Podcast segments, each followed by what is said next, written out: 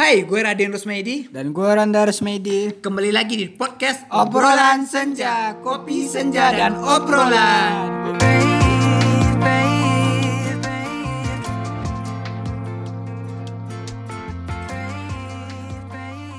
Di obrolan kali ini, kami mau membahas mengenai new normal. Ya kita mau new normal nih teman-teman Kita telah merasakan kehidupan baru yaitu new normal yang di mana kita itu harus melaksanakan segala kegiatan kita dengan sesuai dengan protokol kesehatan. Oke, kita yang generasi milenial ini banyak permasalahan yang kita rasain guys selama new normal. Yang salah satunya itu kalau gue rasain di dunia perkuliahan gue karena semuanya serba online, serba daring apa pun itu. Dari tugas, presentasi, tatap wajah dosen, ngobrol sama teman itu harus online semua guys. Dan permasalahan itu tuh bukan oh, mungkin nggak gue aja ngerasain. Ya. dan kalau menurut lo gimana? Juga ngerasain hal yang sama atau hal yang berbeda gitu? Ya kalau gue sendiri di perkuliahan mungkin ya terhambat ya. Apalagi gue jurusan ilmu komunikasi yang kalau mau syuting itu harus di lapangan lah Buat rapat harus ngumpul Jadi karena daring ini eh, terhambat gitu terhambat oh Ya. jadi pengerjaannya itu tertunda atau memang dihentikan gitu Ya, kami melakukan penundaan untuk syuting sampai eh, diperbolehkan untuk syuting di lapangan.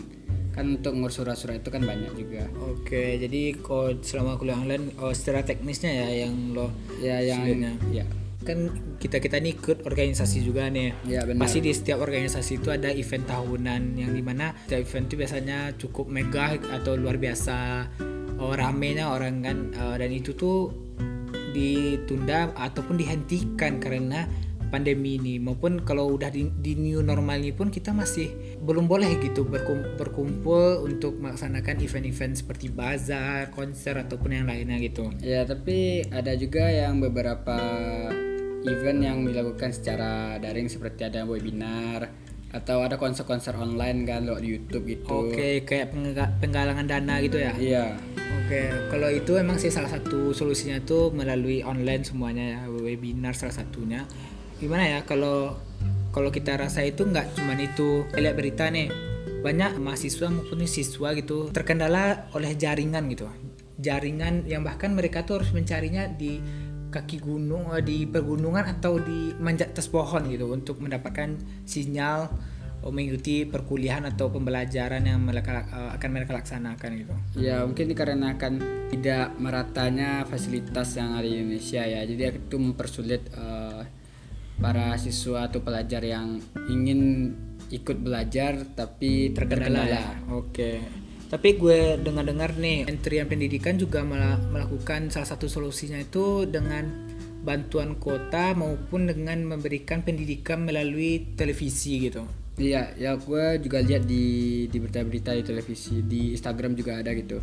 Ada juga berita tentang pemotongan uang kuliah bagi mahasiswa. Oke, gue mau bahas nih yang bagian belajaran melalui televisi ini. Apa menurut lo efektif nggak sih kalau siswa-siswa ini belajarnya melalui televisi gitu ke salah satu stasiunnya yang TVRI gitu yang memberikan pembelajaran melalui televisi itu tuh apakah menurut lo sangat efektif atau atau enggak gitu? Ya, kalau disebut efektif, eh, tentu nggak efektif ya, Eh, karena kan komunikasinya kan satu arah tuh. Eh, cuma televisi kita nggak bisa mengajukan pertanyaan secara langsung di televisinya kan, kecuali ada nomor kontaknya untuk untuk menanyakan pertanyaan kepada guru tersebut.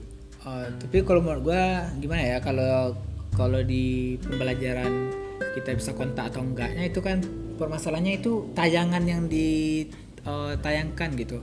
Itu kan misalnya untuk umur 5 sampai 10 tahun, gimana untuk generasi kita yang umur di atas 10 itu apakah tayangannya ada ada ada juga tayangan yang akan mendidik itu atau gimana ya? Dari kabar yang gua dengar, mahasiswa mahasiswa kan disuruh buat di perkuliahan dilakukan secara online itu lewat Zoom maupun YouTube kan. Jadi bisa melakukan secara tatap muka biarpun meskipun tidak secara langsung. Oke. Jadi itu kendala selama kuliah ya. Iya. Terus kalau gua juga ngerasain kalau kurangnya bukan kurangnya ya sih lebih terkendalanya kita untuk enggak kita sih gua nongkrong atau ketemu teman-teman gua buat sharing-sharing gitu karena sekarang boro-boro mau ketemu langsung gitu kan harus di mana mana video call lewat aplikasi lah gitu ada ada perantaranya gitu terus.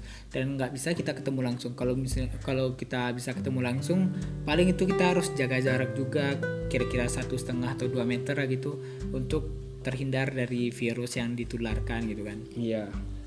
Dan juga banyak sih permasalahan yang timbul dari dari pandemi ini ya. Ya Eh, pemerintah kan udah mengambil kebijakan new normal nih. Ya kita harus mematuhinya untuk misalnya untuk tetap jaga jarak jaga kebersihan tetap pakai masker. Tapi gue lihat beberapa hari ber- yang lalu banyak juga yang nggak pakai masker itu. Banyak juga yang pergi ngumpul banyak juga yang duduk-duduk di kafe. Ya yang tidak mematuhi protokol ya. Iya, jadi nggak nggak memutus mata rantai covid ini. Hmm, kalau menurut gue banyak juga sih yang kayak gitu gue udah lihat. Bahkan gue belanja belanja di tempat di pasar nih banyak juga. Itu yang jualan tuh nggak pakai masker. Bahkan beberapa bahkan ada oh, anak-anak KKN yang keliling-keliling gitu bilang bu maskernya bu bu maskernya bu. Ya pakai maskernya bu Iya. gitu. Itu bahkan gimana ya? Miris aja liatnya. Tapi nggak cuma dari sisi negatif aja ya, ya eh, karena new normal ini. Oh iya ya kita juga bisa lihat sisi positifnya. Kita dapat mengembangkan diri mengupgrade diri ya. Misalnya biasa nggak pandai masak di rumah bisa masak. Oke, jadi kalau selama uh, new normal ini kita juga dapat pengembangan mengembangkan diri kita sendiri untuk jadi lebih baik ya. Kalau lo selama, Selama new normal ini ngapain aja? oh ya selama new normal ini gue udah banyak sih mencoba hal-hal yang baru seperti mencoba-coba desain nih kan gue coba um, buat logo buat desain flyer gitu ada juga gue ikut uh, fotografi yang lomba-lomba fotografi secara lewat laptopnya apa namanya Oh gitu, virtual Ah, photoshoot iya. gitu. Oh. Itu juga ikut. Tapi kebanyakan saat sekarang ini kan banyak itu aplikasi-aplikasi ataupun dari YouTube kita lihat bisa belajar secara langsung kan. Jadi nggak cuma mono aja di rumah gitu kan. Oke, berarti itu lebih ke hard skillnya ya. iya Oh iya, eh, gue setuju nih yang disebut eh, sama Randa. Kalau kita juga bisa pengembangan diri ini bisa menghasilkan uang juga loh. iya benar kali kalau gue pikir-pikir kalau misalnya kita nih nggak cuma ikut lomba aja ya misalnya kita udah bisa desain nih atau bisa bikin oh jadi video maker gitu kita bisa oh apa pun gitu misalnya iklankan produk orang gitu kan itu bisa menghasil- menghasilkan uang juga itu dan kalau menurut gue sisi positifnya banyak juga dari new normal ini nggak cuma pengembangan diri juga tapi dari eh, banyak hal juga bisa kita misalnya kita lebih bisa mempererat eh, hubungan kita dengan orang tua kita ya oh, menghabiskan waktu dengan mereka itu merupakan salah satu hal yang berharga juga sih kalau menurut gue kalau menurut lo gimana? Apakah selama new normal ini lo eh, merasa pengeluaran lo atau oh, lebih sedikit atau lebih banyak selama new normal ini? Kan karena kita udah jalanin nih setiap aktivitas menjalankan protokol kesehatan nih. Apakah itu membuat lo kehabisan uang karena beli masker, beli hand sanitizer ataupun apa pun itu untuk menjaga kebersihan diri lo? ya itu mungkin tergantung orang kalau gua pribadi sih pengelola nah kalau gue sendiri sih pengeluaran untuk beberapa hari ini udah kayak biasa aja lagi kan karena udah new normal kan udah bisa beraktivitas. Tapi lebih terkendala bagaimana kita beraktivitas aja sih. Oh, untuk penghasilan gue sih menghasilkan dari dari coba-coba ikut lomba coba-coba buka usaha sendiri. Jadi cukup lah. Tapi untuk eh, kendala-kendala saat beraktivitas yang lebih sulit. Oke, jadi oh, ternyata Randa nggak nggak eh, nggak terpengaruh pengeluaran guys. Eh maksudnya itu nggak new normalnya nggak mempengaruhi pengeluaran dia juga ternyata. Kalau kalau gue pribadi itu mempengaruhi karena banyak hal yang gue beli untuk menjaga kebersihan diri gue sendiri, terutama kalau pergi keluar gue harus beli hand sanitizer, masker gue nggak cukup satu, gue harus sehari itu bisa tiga tiga buah gue pakai untuk kalau kadang udah lembab atau gimana gitu dan ya itulah oh, kendala-kendala oh, kami terutama gue selama new normal ini mungkin oh, kalau dapat kita simpulkan dari obrolan obrolan kali ini sebenarnya itu lebih ke gimana kita melihat sisi eh, positif dan negatif dari suatu permasalahan dan bagaimana kita menghadapinya. Ya benar kali. Dan itu tuh juga eh, membuat kita terlatih dan untuk beradaptasi atau menyesuaikan diri ke depannya gimana tantangan-tantangan yang lebih lebih untuk menunggu kita di luar sana. Nah, oh, mungkin kita juga nggak bisa nggak boleh menyalahkan pihak ketiga gitu karena contohnya gitu oh, kebanyakan orang menyalahkan pemerintah gimana nih pemerintah gimana nih. Bukan kita harus menyalahkan pemerintah tapi bagaimana kita menyikapinya oh dari sisi positifnya gitu.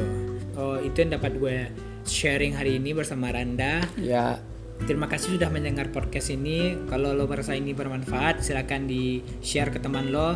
See you di podcast selanjutnya. ya tetap jaga kesehatan ya.